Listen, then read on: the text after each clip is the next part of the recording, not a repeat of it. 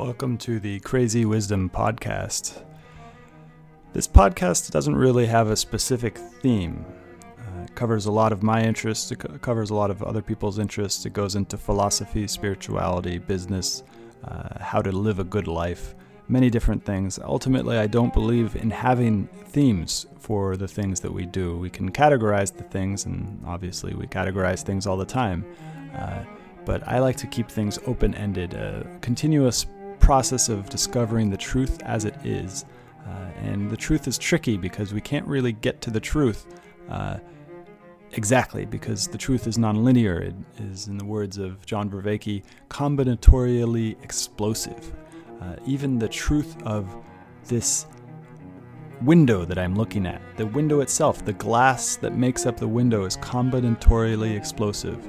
The cup that holds your water is combinatorially explosive. You cannot model that cup totally in your head. You're only getting an image of it in with your eyes and your brain. That's not the actual cup itself.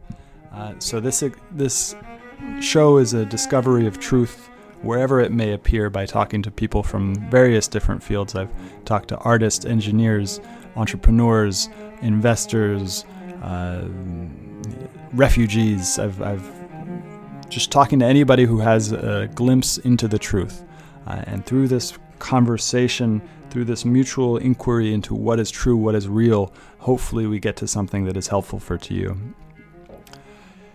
Now, we are in a time of crisis right now, uh, but it is in those times of crisis that we find our strength. And so, this show hopefully will help you to find the strength that is resting, that is deep inside of you, that is part of your birthright as a human being, uh, and find that strength so that you can get through these difficult times.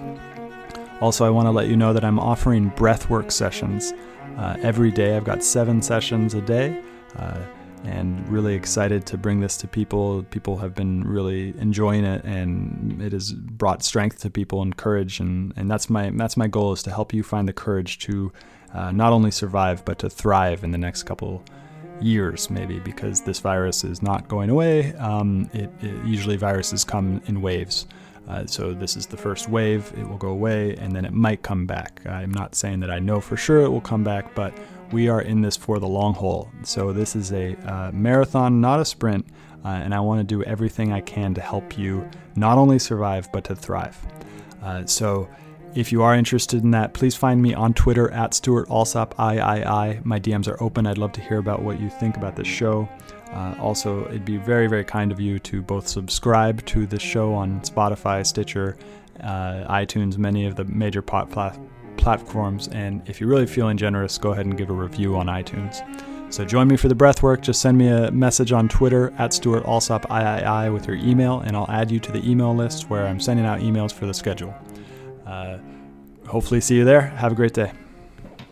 Welcome to the Crazy Wisdom Podcast. My guest today is Christian Langalis. He is the co founder and CEO of Tirrel Corporation. Uh, welcome to the show, Christian. Hey, thanks for having me on. Yeah. What is the genesis of the name Tirrel Corporation? Great question. So, obviously, it's a pun, it's a reference to our flagship star, which is our network address on the Urbit network However, obviously, also, you know, Blade Runner, ah, the AI, the AI replicant apocalypse, uh, etc. So you can. Urbit companies have a tendency to have literary references behind them, so had to do it. Is is Tlon also a literary reference? That's a Borges short story. Yes. Okay.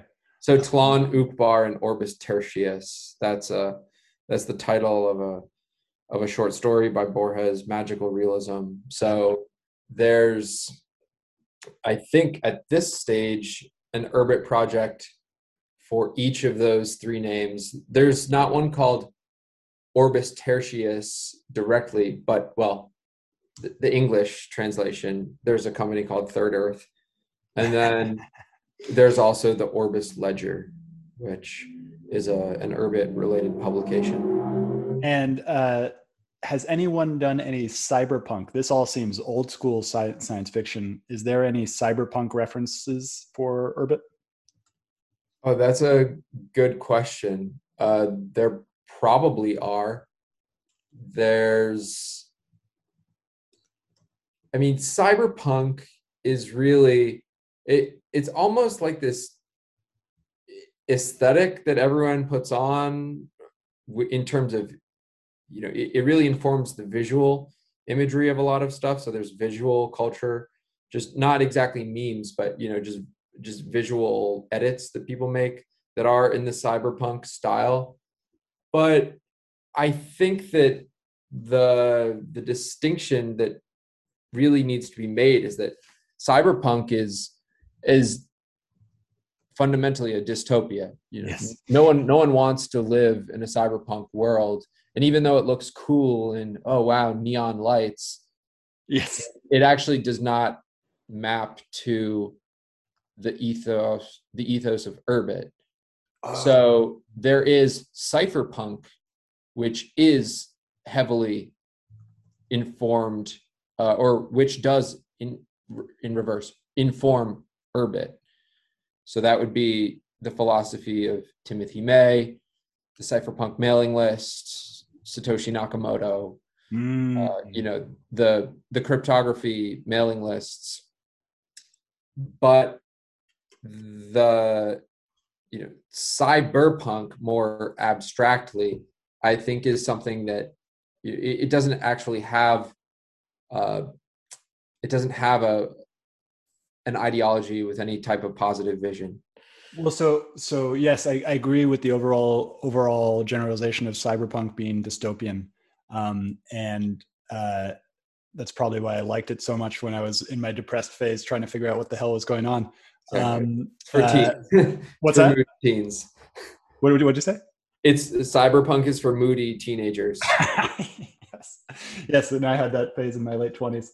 So, uh, but uh, so and but but it's also interesting because I think a lot of people form in that are stuck in modernity and post modernity um, have the unfounded assumption that what we have created with those tools of modernity and post-modernity that we are in a paradise. Um, but we are not categorically not in a paradise at this moment. What i like about urbit is that it, you're right it isn't dystopian and i think i like it and something new for me because it feels like that cyberpunk might be the postmodern explanation for what happened between modernity and postmodernity um, I think I think you're you're right in in most of that. Urbit to some degree is a reaction against uh, you know the the overreach of instrumental reason, the subjectification in digital settings of the individual, and ultimately you know, the the atomization of of the social. So what I mean by that is how we relate online nowadays is always as you know my row in the large company's database uh, sending a message to your row in the large company's mm. database and you're basically purely a subject of capital in that sense you have no you have no computing hardware or software that exists outside of the corporate capital defined experience. So what Urbit says is you know retake a personal server. It's actually an implement of personal sovereignty. And then you can use that as essentially the root to begin to reterritorialize a digital life. Interesting. What have you learned from studying current culture and how does that inform Tirrel? And I guess before we go into that, uh, what is Tirrel and what does Tirrel do? Sure. So, yeah, thank you for having me on uh, to to show my wares. We are the Tirrel Corporation. We are sometimes we call ourselves uh, Urbit's first startup.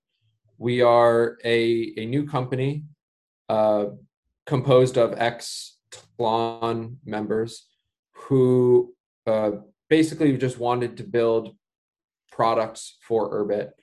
And we saw that there was a need for a, a dedicated company to focus on payments and other types of commercial interfaces for Urbit. So we're really going after every uh, or, or many, I should say, many use cases under that umbrella. Those include uh, maintaining the Urbit Bitcoin wallet and extending it. So that was my work before I founded Tirrel at Tlon.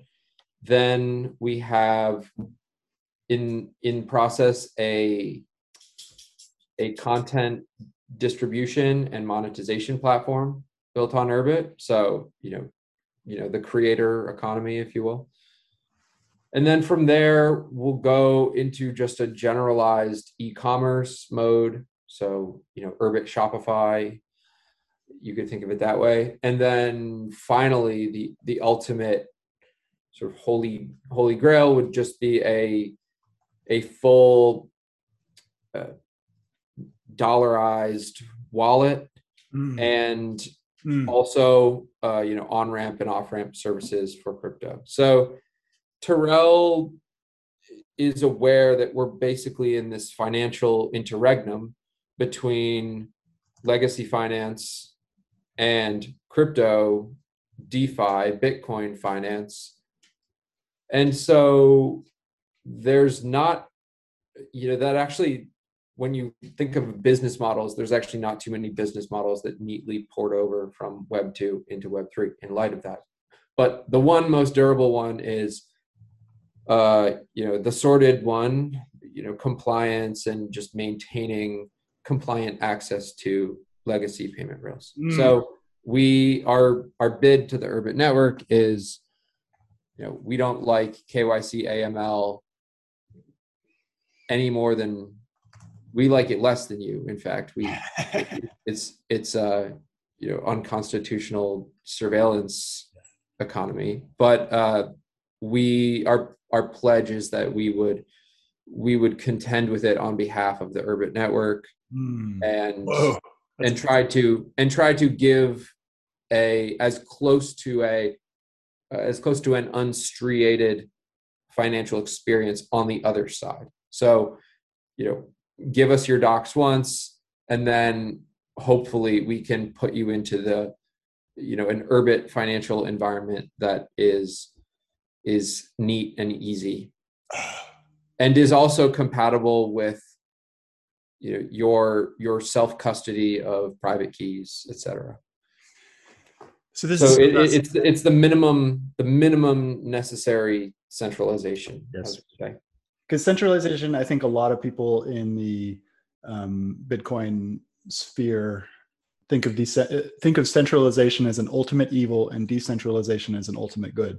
Um, but really it's a spectrum from centralization to decentralization and you don't want nobody wants to live in a fully decentralized society because that would be somalia or eh, or and nobody wants to live in a fully centralized um, country either because that would be north korea.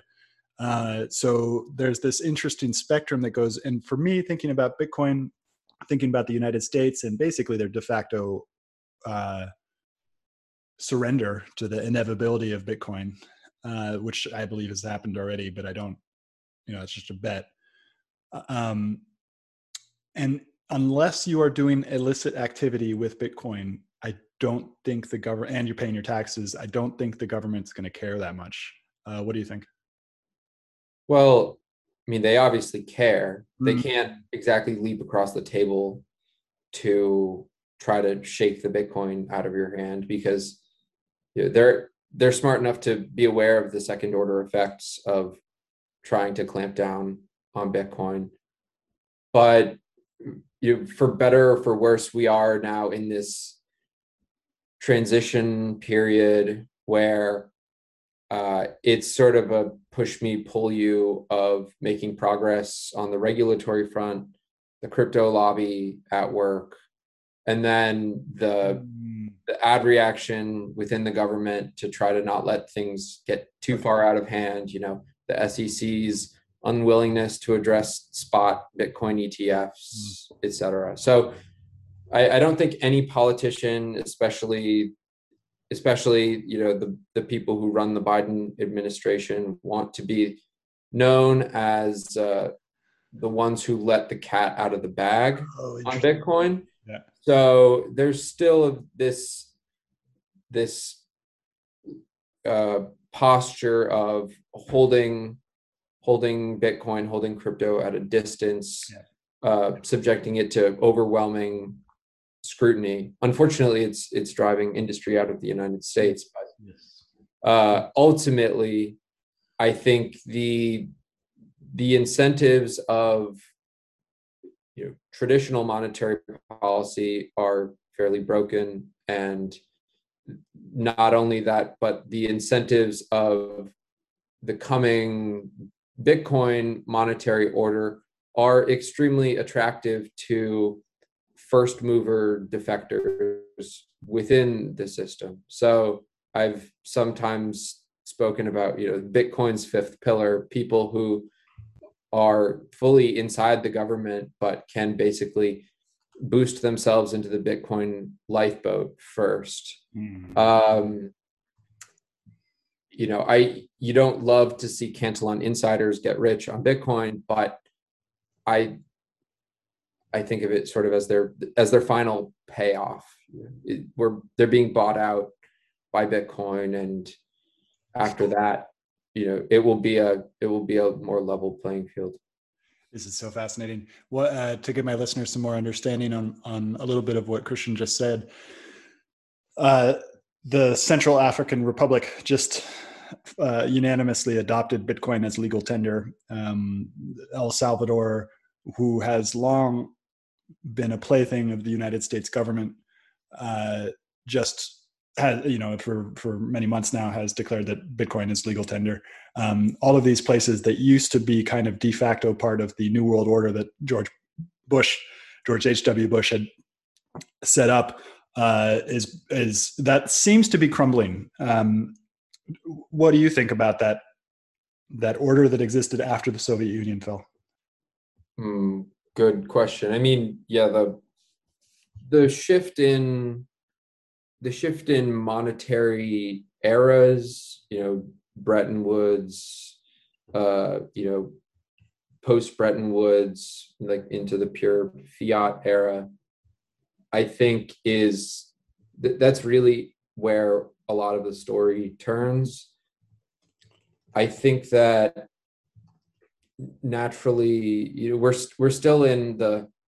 I, I think we're still in the like the aftershock of 2008 which is the recognition that uh, you know the the highly technocratic monetary policy as it exists may not may not work. You know the the minsky moment if you will. You can look up all the the economic theory for why you know there's you know trouble with uh, trouble with the way the economy is plumbed right now uh, you know, there's the there's the Austrian tendency to just gloss over all that and just say, okay, well, yeah, we just need a return to sound money.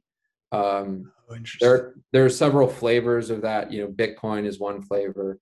Uh, commodity monies, as we're now seeing crop up with Russia, that's another flavor. Uh, I personally when I left college, had a brief stint at the Cato Institute, oh. where I studied under George Selgin and Larry White, who were actually, uh, if you go back and look, they were actually in uh, at least aware or, and partially, you know, partially involved with the early uh, cypherpunk uh, cryptocurrency experiments. Oh. So George Selgin has, I think, the best definition for Bitcoin, which is synthetic commodity money. Ooh. So we're we're seeing we're seeing the window of monetary ex, uh, experimentation reopen, yeah. and uh, you know we're seeing things like the the new Wyoming bank charter uh, with with for full reserve uh, cryptocurrency banks. There's just a lot going on. I've personally had ambitions to own a bank in the past. Uh, maybe that maybe that will be in the future of Tirrel, but uh, the, the the bottom the bottom line is that the the historical horizon for value transfer in society has been completely reopened. What is the difference between a Bitcoin bank? I'm sorry, what is the difference between a bank and a Bitcoin wallet? Well, a, a bank is, at least in the United States, you know, a, a highly regulated institution that holds customer deposits frequently they you know they register with the FDIC for deposit insurance they're held to uh, a litany of compliance to uh, maintain that relationship to maintain access to their uh, legacy sort of you know interbank clearing systems whereas a wallet is just you know bank, interbank clearing at the speed of the internet without without a uh, without any gatekeeping. So so that that's why we say Bitcoin is really a settlement network, mm-hmm. and that and that if you're going to use payments, uh, you know, when you when you swipe your credit card, you're not actually that doesn't trigger a bank settlement. Huh. That interesting. It, it's all it's all deferred settlement. So Lightning, the Lightning network is evolving in the same exact way, where where you where you see deferred settlement. And uh, so credit card. Um, so the but the Bitcoin wallet or any wallet, the software surrounding the wallet could eventually evolve into the same purpose as a bank. Well, from the from the standpoint of the consumer, huh it it may become one day near indistinguishable. Yeah. So you I look at a company like Unchained Capital, which does collaborative multi multi-signature Bitcoin custody. Mm. You know, once hmm. once you're in their application, yes, technically you have private keys, but you can have an experience that approximates being at a bank. Interesting.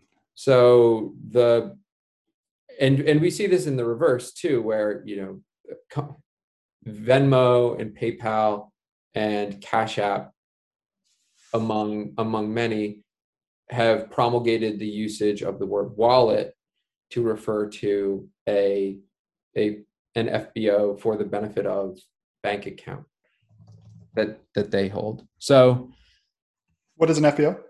FBO just stands for for the benefit of, oh, like a, a, sub a sub account with uh, with one of those with one of those fintechs.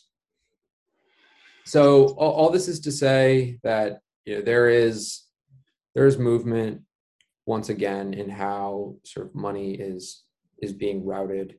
Uh, lots of extant regulations such as you know the Bank Secrecy Act, which regulate intermediaries, are caught flat-footed because they're they're the it's these intermediaries that have been the basis of the surveillance oh. nature.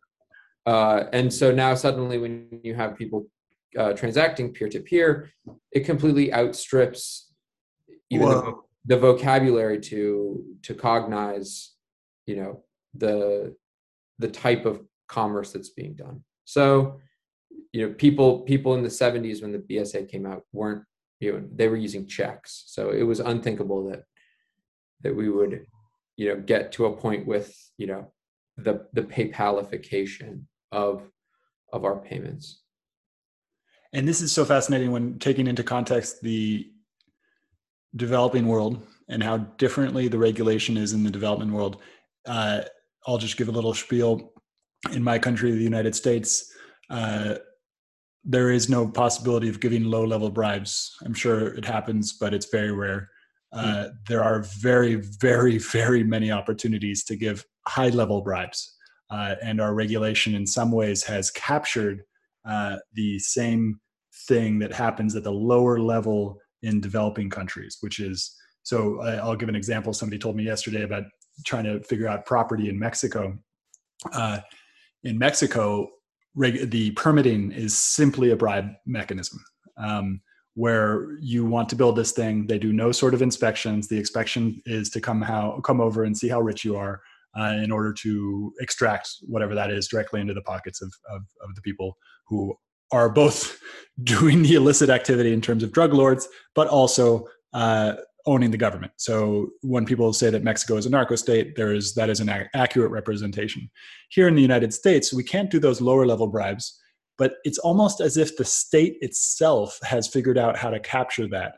Um, so, for example, if I want to build anything on my property, I have to go to the local permitting office and figure out their Byzantine structure in order to um, in order to build a composting toilet, and it costs money, and that money goes to the state, and that state wants to the state wants to keep that money, and so and then and then it adds to the problem that we're facing in the United States, particularly in places like San Francisco, where uh, only the richest of the rich can afford this crazy Byzantine structure.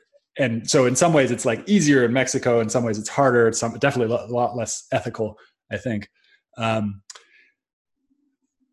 so now you've got the banking thing, and in Nigeria, uh, Nigeria, I think, is the third largest volume of Bitcoin, something something insane like that. Um, and and like I've worked with Nigerians before, I know I've lived in places that have similar economics to to Nigeria, um, and uh, the it's so interesting that Bitcoin is doing that because the the state in Nigeria hates it because as you said they're the intermediary. They're the kind of parasite on these transactions and uh, and they hate it. And they've tried to they've tried to take it out many times but they can't. They can't do it. It's like it's impossible. It's like um, i think balaji srinivasan said that um, you know if you try to stop crypto it'll come in through the windows. You close the window it'll come through door cracks. You close the door cracks it'll come in through the you know like rats inside of the things.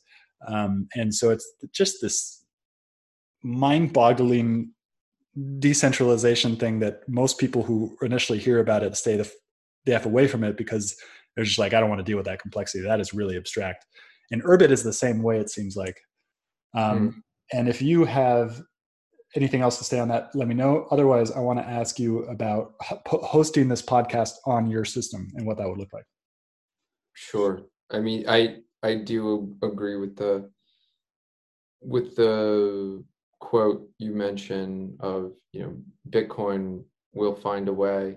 There's a there's a classic Nick Land reference uh, to that he makes to the movie In the Mouth of Madness, where he describes uh, it's sort of this Lovecraftian movie uh, with John by John Carpenter.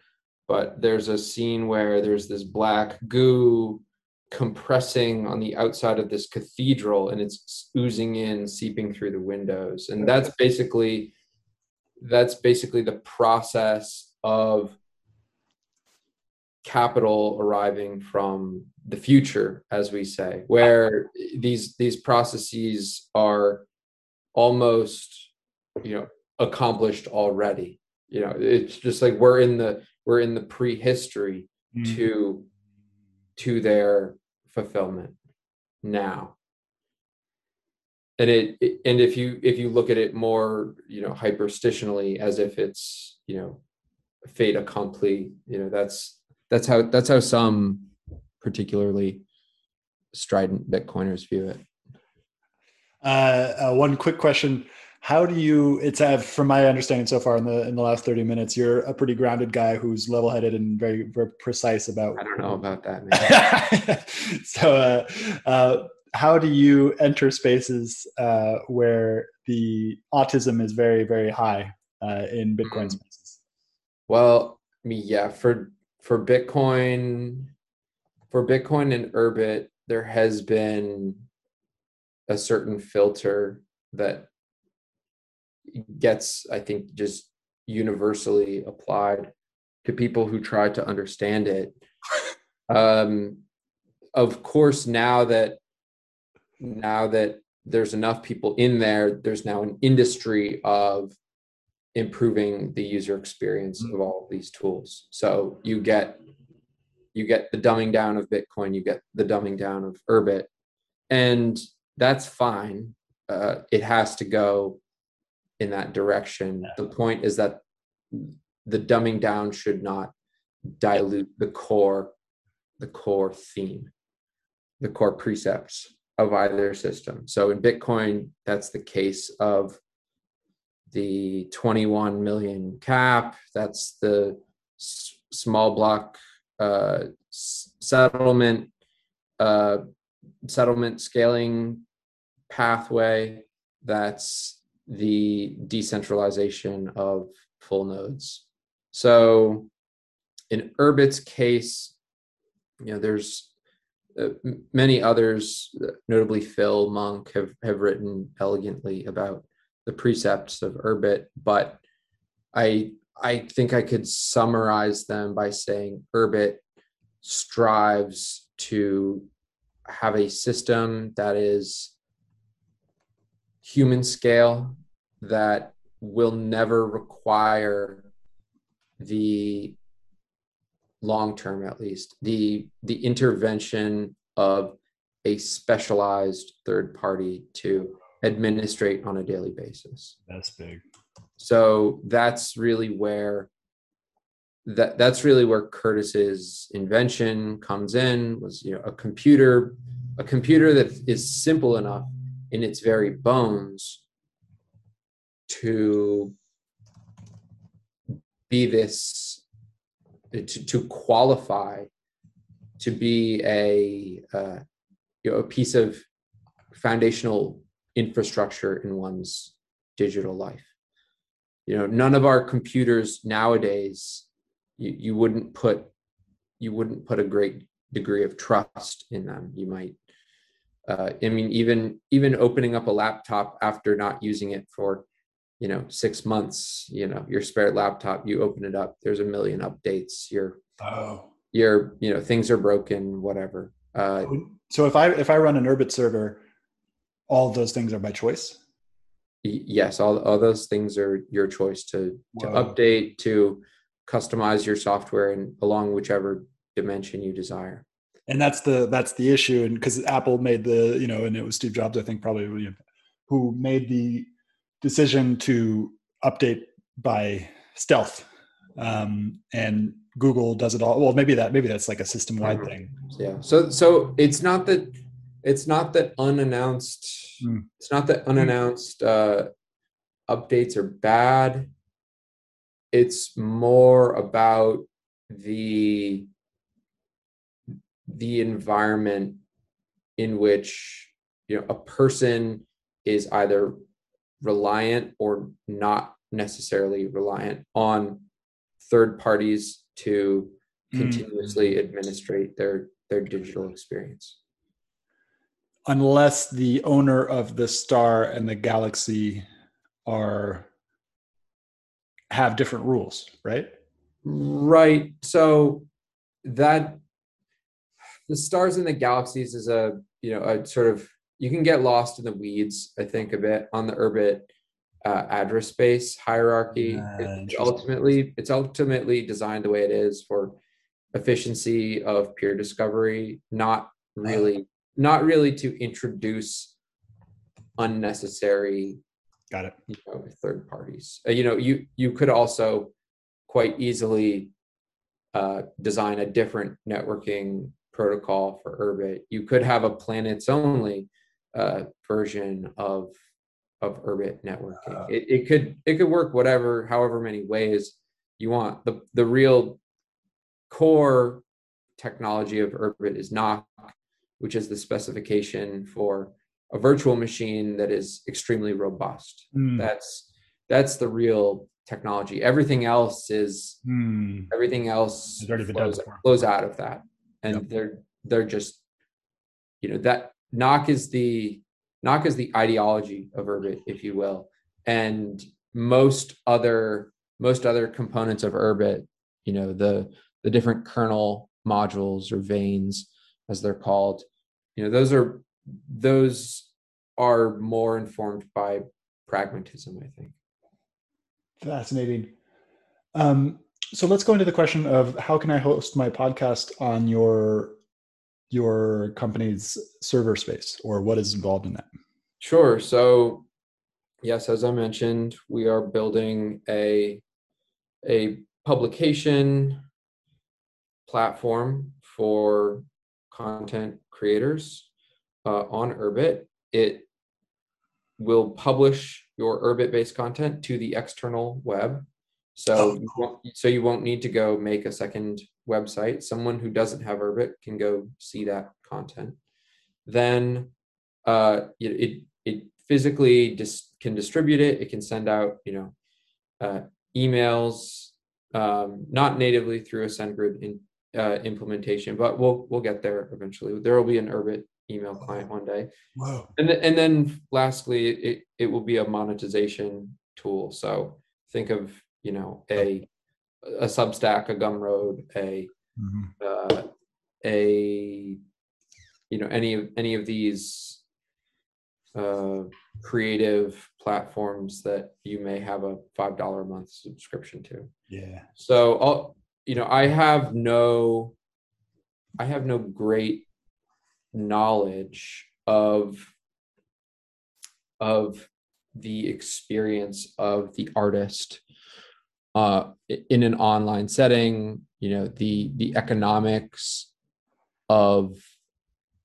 Web two, apart from just knowing that it's generally very very difficult you know you you'll you'll find many artists struggle within the the context of something like Spotify or Apple Music. So, you know, I I was listening to I'll give a shout out to my friend Barrett who runs the Contain podcast.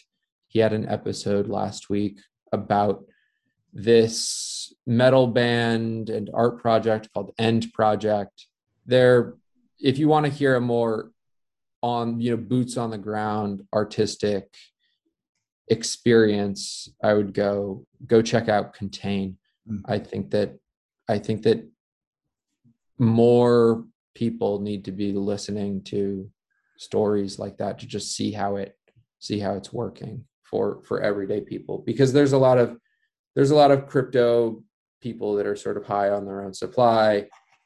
And i think i think it's important to meet to meet uh you know creatives where they are. Oh, and and and uh, I'm I'm so I'll just give a little insight into my life. I just moved uh, to a place that's only two and a half hours away from the Bay Area, around two two to three hours away from the Bay Area, and um, I've grown up in the Bay Area my whole life.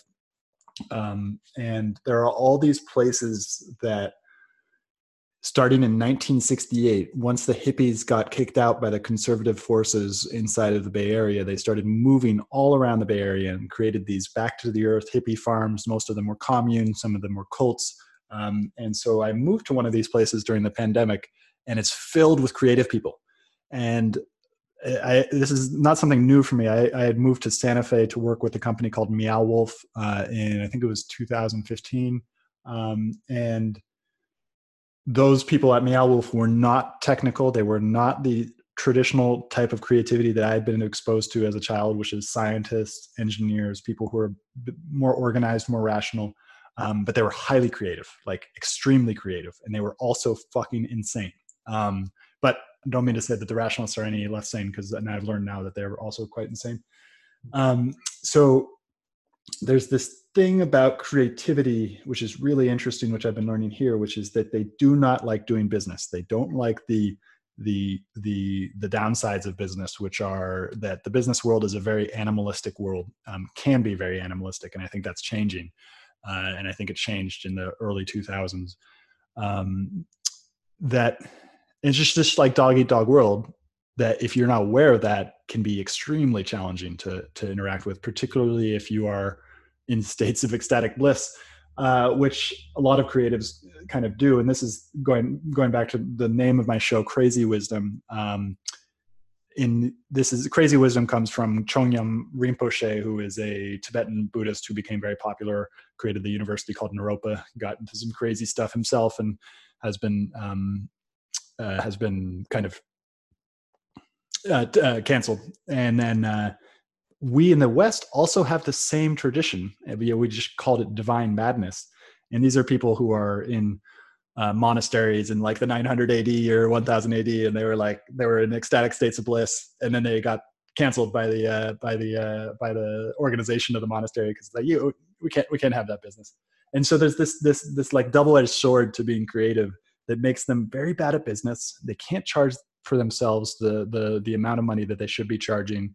Um, and it's so fascinating to get embedded with them because I come from a you know long my grandparents parents are all part of this ecosystem from Washington D.C. They know all know how to use power and and do all that type of stuff. And so I, I was like, but I'm I'm actually probably closer to the hippies in the sense that I was very very against it when I was younger, but now I understand it. Mm-hmm. Um, sorry for that long ramble. No, that, that's okay. uh, yeah, Urbit Urbit has uh, several several key members who live in Santa Cruz. You ah. know, a, a hippie, you know, a hippie exclave, just like you mentioned. So I I do I do specifically have uh, sympathy for these types of communities that you know, everyone everyone needs to eat for better for worse everyone needs to subsist within this market economy however I think that the you know the the corporate system that currently presides over mm-hmm. art and all of its yes. sub subcategories is a little too top heavy right now and you know it's it's really just time for time for the devolution of you know market power back closer to to uh, creatives. Fascinating. So, uh, so I can, so I'll explain my whole my whole goal um, for the next few years. Um, I like Substack, but I don't like just sending emails to people. Um, I like Twitter because Twitter allows me to thread things and to keep a stable, long-term knowledge base. And then I like bringing my podcast into that and do, doing interviews. For example, I've got a long thread on Twitter about Urbit, and I'm going to post this interview to that thread um, along with the one with Eric Newton. Um, I think those are the only two I've done so far. And I have my podcast, and I love the podcast because it's already de- very decentralized. I think the podcasting format is one of the the most decentralized already, um, and so I want to create all of that into some sort of online educational platform, uh, not and, maybe almost replacing university. Uh, and this is mostly just out of fun because I love to learn and I love to share my my knowledge. Um, today, how can I start to think about using Tirrel in that existing ecosystem of the of what I like to where I like to publish? Yeah, great question. So the first step is just download Studio, which is our flagship Urbit app for publishing to uh, the external web from your Urbit. So today you can spin up what, whatever long form written content you have on Urbit, you will just mirror that to the external web. So you can also configure that to go out through emails uh, directly to your subscribers' inboxes. After that, our next update will include our, our next big update to Studio will include the ability to paywall that content, so you can start to earn money for you know charging charging access to that if you desire. Uh, it will also support other media formats. We'll just iterate through all the media formats, do podcasts, you know, whatever it is, long form audio, uh-huh. music, video, streaming, etc. So we'll we'll iterate through all the media formats, and at the same time, Studio will also be evolving to basically uh, put put the actual community of the of the artist closer to. So naturally studio already runs basically using landscape as its backend hmm. uh, with landscape aka groups which is the you know the standard urbit uh, social networking application. So what the of what I think the future of artistry looks like is where you know an artist should they desire to be uh, you know can be very available to their fans in touch. You know you could just have a public chat with with someone you like uh, with someone whose music cool. you desire. Uh, and then you know you can you could buy their you can buy their album directly on urbit uh, i'm sure in the future there will be the opportunity to uh, say represent certain pieces of media as nfts if people desire to curate a collection that way most nfts right now are you know highly financialized and mm. really just you know built by these collections of uh, tech dorks who I don't think really have a an artistic instinct. This is why we have now seen things like uh, Remilia and Milady just get so insanely insanely popular because it, for the first time, you know, it's it's as if there's there's a, someone with actual artistic language who has access to these tools.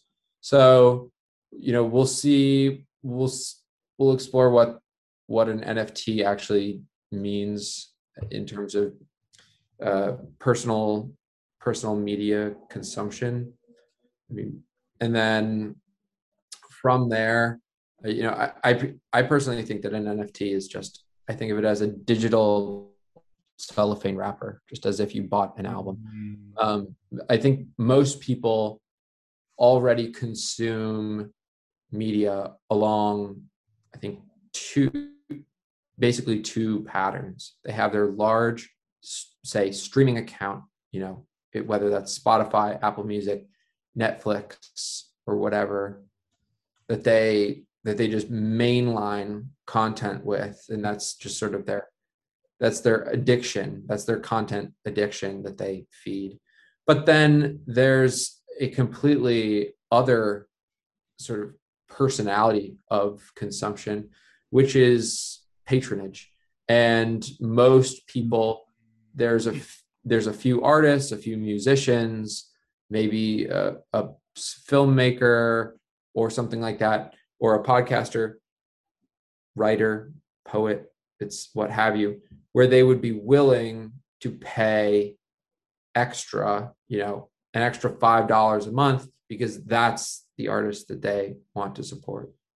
You know you stream if you're streaming some top 40 hit most people don't uh, most most people don't feel ethically motivated to go out of their way to make sure that Ed Sheeran gets gets you know his his cut from those streams but in the case of fledgling artists yes. or artists that you might have a personal relationship with you know i think that lots of people would would uh, desire to you know pass on a tip or you make a special purchase or something something of the sort especially if that artist is is available on a social media platform that is horizontal and not top down this is the fascinating thing. The, the patronage the patronage aspect is very interesting because the it kind of harkens back to the day where there would be the Medicis and the Medicis would co- cover you know Michelangelo and and right. just make sure that Michelangelo had everything in order so that he could do his work. Um, and it Everyone, gets everyone's a patron of the arts now. Everyone's a patron of the arts, but only if the artist is struggling.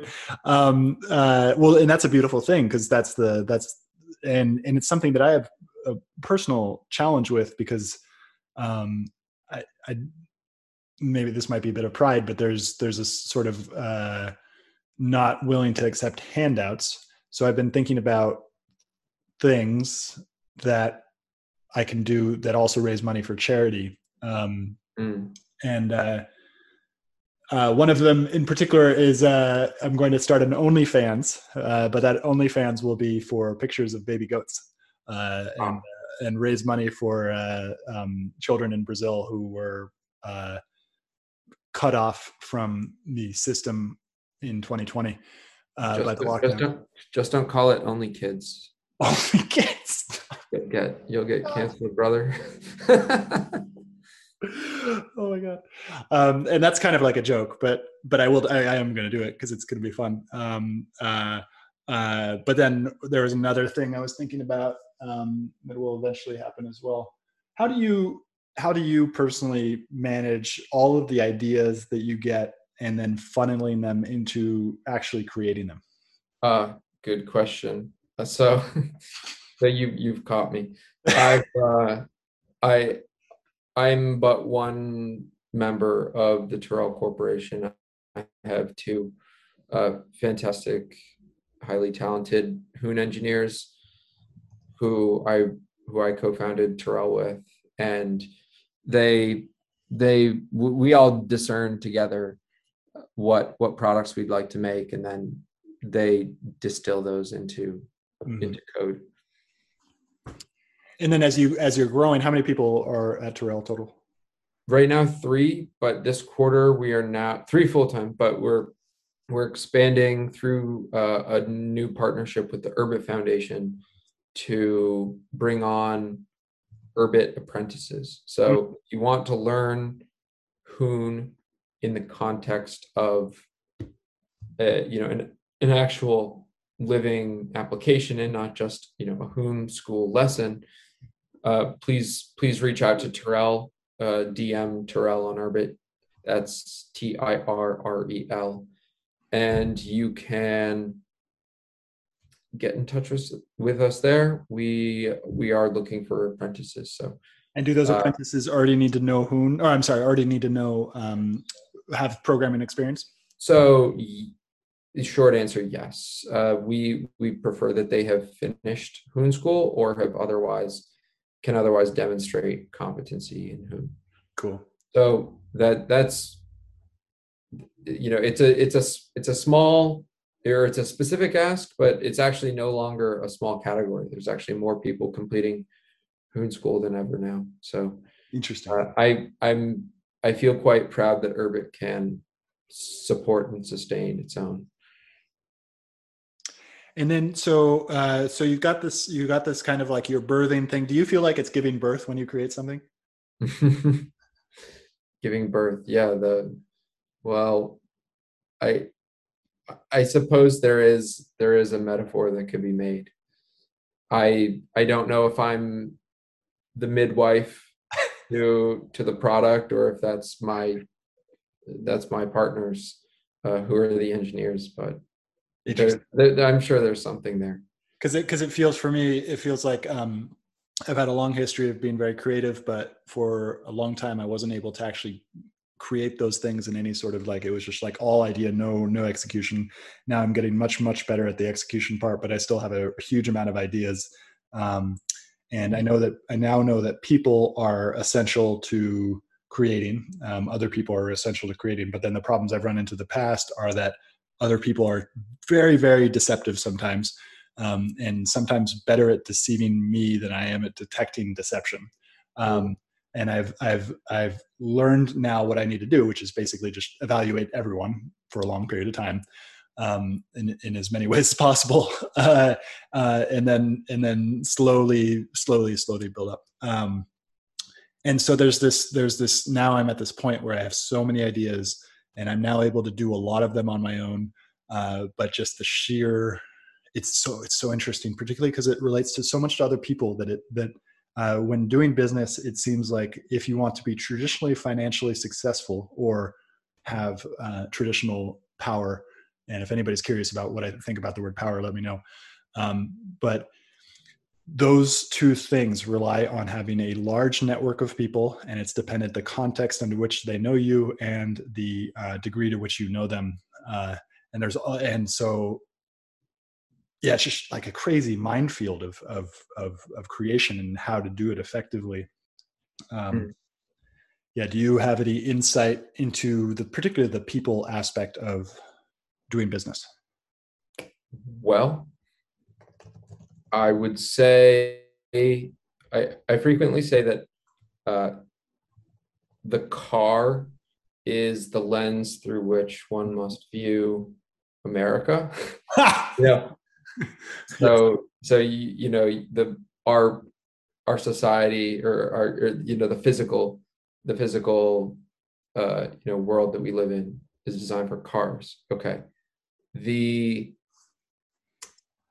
uh, the desire to, I guess, make money is best uh, mediated by having a corporation, which is why why we didn't shy away from calling ourselves the Tirrel Corporation. Yep. Um, it, it, the same goes for the Tlon Corporation. I mean, it's almost tongue in cheek, but it, it's this very, uh, it's this very cognizant, uh, cognizant uh, admission mm. that we are, we we do relate in this market structure to one another, and for better for worse, this has been the prevailing the prevailing method for developing productive interpersonal relationships. Mm. I wish that weren't necessarily so. It's why I, you know, belong to a church, participate there, um, and you know have have strong hope that you know the internet can, you know, or that the Urbit internet specifically can put us back face to face to to see and perceive each other clearly. Um, maybe maybe you would get excited about doing a DAO or something like that. Oh, interesting. Um, where you know it might be a you might find that there's a a common or you know a, an average between a, a, corporation and just a and just I, a interpersonal relationship. But yeah, yeah, I, I think that I think that if you if you are pursuing a an endeavor, yeah. uh, you know, I I do think that the corporation is still a, a relevant And I, I I have I'm I strongly agree with the necessity of doing the corporation, and it's been so interesting for me because I have started to hang out in this creative area and in this creative area, there are a lot of people who are traditional conspiracy theorists. And I, by that, I mean, um, I don't think I am a conspiracy theorist. I have some, definitely have some controversial views, but I, I, I don't think I fall into that line that I think there's a group of evil people that are controlling everything. Um, but I now am very, very comfortable hanging out in those circles because they've been the only circles that have had me for the past two years. But uh, um, and so uh, what they're trying to do is exit the system and I think there's value to thinking about exit the system and but they're trying to do it from the old old point of view and there's there's something new. And so what I mean by that is they take this topic of sovereignty which we've discussed a little bit and they'd be like okay I'm going back and I'm going to delete my um, social security number. I'm going to delete my uh, my mm. name. I'm going to change my name. I'm going to become totally invisible to the state. Right. Um, and I think that that is just like an old an old thing. That's fighting last year's war um, and well, but, well that's the, that's the pessimistic that's mm-hmm. pessimist that's the response to pessimistic cypherpunkism yes. is oh i'm going to disappear but ultimately i think the the correct well you you can judge for yourself but the the the example that always gets brought up in the case of Urbit and Bitcoin is that of the the Junger's anarch, who is the person who can develop uh, in spite of you know their their residence in the post-historical state, they can develop an upward and inward liberty of the mind, uh, and they can be, be you know comfortably at a they, they can exist within within the world and still maintain a, a critical distance from it so you know that's you know that's uh that's faith or that's uh that's the ability to just grapple with uh you know the existing the existing systems and, and create something like a like a corporation that you can use to organize your life mm.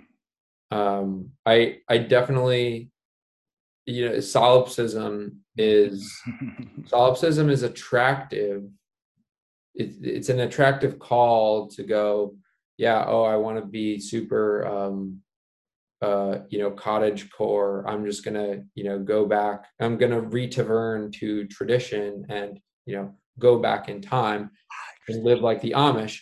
I think I think that for those people, it makes sense. But on the other hand, for the average person, solipsism is actually more frequently a uh, an unwitting or a, a, trap, basically. You know, if you the, solipsism is being mass marketed now under the term metaverse. So, Ooh. you're you're you're seeing you're seeing people get wooed by this by by the sort of the siren call of i'm going to have my own world where like only i exist uh and you know they're going to wake up plugged in Ooh. Um, so for those of my listeners we've got about five minutes left for those of my listeners who don't understand what solipsism is solipsism is the idea uh, that i exist and i alone exist that nothing outside of my direct perception is um, is real uh, and that the only thing real that i can point to is this sense of i i am.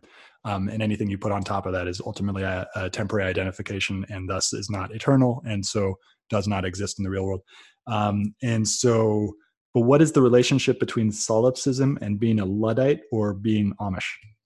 Well some some would say that that ludditism is a type of solipsism because you you refuse you you withdraw from the world yeah. mm-hmm. and i and look i i actually you know i i envy them at times you know i i wish that maybe i could i could be you know exist apart from the world perhaps that's perhaps th- there are certainly readings of you know christ that that instruct you in that way but you know looking where a sort, a sort of i find myself in the middle of things uh, it may not be it may not be the most immediately uh, helpful uh, helpful mode of trying to organize my life because for this specific reason that it requires a heroic mm. feat of deterritorialization you know i cannot as much as maybe you would fantasize about it you can't just uh you can't just go from browsing twitter every day to like all right i'm going to chuck my phone in the river and show up at the amish you know the threshold of the amish community and hope to be accepted. You know it's not going to it's not going to work like that. Oh maybe, God, that's so interesting. Maybe one day you could find a, a, group of people that you know you could you could uh you know vibe with as they say. And maybe and maybe you can uh, you know generate some new uh you can strive to generate a, a new norm. But uh, you know, I I think that you you will be certainly uh, you'll be certainly bis- like it's a more that may be a more uh, you may be setting yourself up for anguish. It might just be better to accept uh, to accept the pain of the the life you experience now and have and uh, you know work work within that. Um, the the relationship of pain that's another thing that that Junger talks about. You know do you do you strive at all times to avoid it? Or uh, can you can you manage uh, can you manage it? Because everyone has it you know rich or poor. You know you'll you'll experience the thing that you don't want to do doing that thing or uh, you know, being under that condition that you don't want to be under. Something so interesting that Robert Sapolsky talks about, uh, who he's a neurobiologist from Stanford, and he talks about uh, the, the uh, dorsolateral prefrontal cortex as opposed to the ventromedial prefrontal cortex. And the dorsolateral prefrontal co- cortex is like our, I believe it's like our superego. And the whole role of it, under his opinion, is to do the hard thing when the hard thing's necessary. Um, which is, as you've been saying, the whole it's like this that you're in the world. You're not you're not you're not of it, but you're in it. Um, and if you try to avoid the fact that you're in the world, it leads to a lot of pain. And trust me, I've tried. Um, and uh, and I've gone, I've, I've I have thrown the phone away many times for for a lot of long, but it always comes back. Uh, and the pain, the specific pain that I think you're referring to is the pain from living in an age of acceleration where uncertainty becomes the norm, uncertainty becomes the um, the, the, the uh, chaos of, of, of just massive transition. I think we're going through a tradition, a transition that is massive. Like 2,000 years, we haven't seen a tradition like or a transition like this. Nothing is Lindy. I only I only want to touch Lindy, as as uh, as as Paul Skallas says. I only want to touch Lindy, and guess what? You can't. Yeah. this is. You hear my voice? You hear the microplastics in my lungs, brother? Yeah. You hear them? You hear them rattling around in there? Yeah, I do. I feel them in myself. Jesus. Yeah.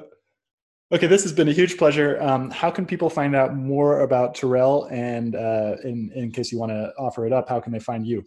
Sure, yeah. Uh, Tirrel is T I R R E L. Shoot us a DM there.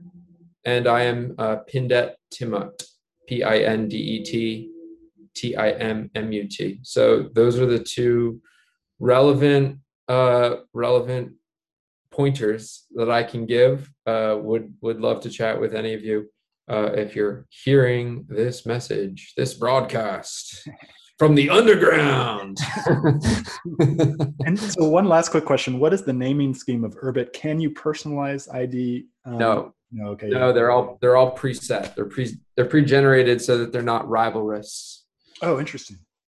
You know, you don't you don't want a, a thousand people trying to you know squat on you know Urbit Facebook or Google, right? So the the point is that they're all human readable, human, uh, human speakable, but none of them are actually human signifying. It, un, until until one belongs to your friend, and then you know who they are. I I think I could probably name 50 friends by Urbit uh, by Urbit Pat P. So it they're unironically highly memorable. Fascinating. Thank you so much. Thank you, Stewart. It, uh, this has been a pleasure. Hope you enjoyed this episode. I'll be publishing episodes every Monday, Wednesday, and Friday in the morning. If you did enjoy this episode, please find us on iTunes, Spotify, Stitcher, many of the major podcasting platforms, and go ahead and give us a review. And also subscribe. And as always, I'm on Twitter at Stewart Alsop III. Come join the conversation as we aim towards the truth and the funny thing about truth is that you can't really put it into words because every time you put the truth into words, you create a linear narrative out of something that is nonlinear. The truth is nonlinear. It's not. It's. It's. If you really recognize the truth right now, your mind wouldn't know what to do. It'd be overwhelmed by beauty, and pain, or it's it's something that is beyond our linguistic capability to represent. But that doesn't mean that the language isn't helpful. Language can point us in the direct, right direction, but it's it's not it's not the truth itself. And so, come join this collective inquiry into the truth.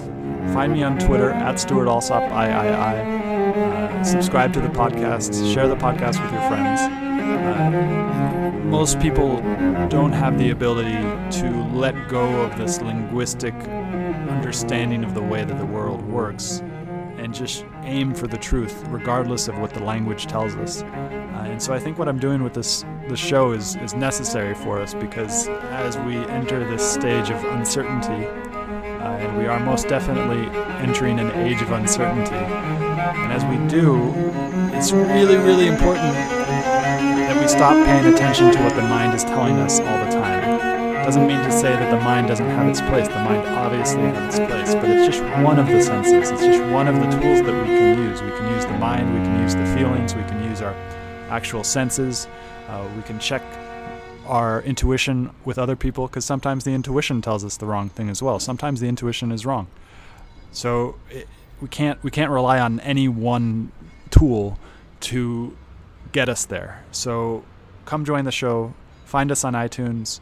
Find us on Twitter at Stewart Alsop III. Uh, and come join the, this inquiry for truth.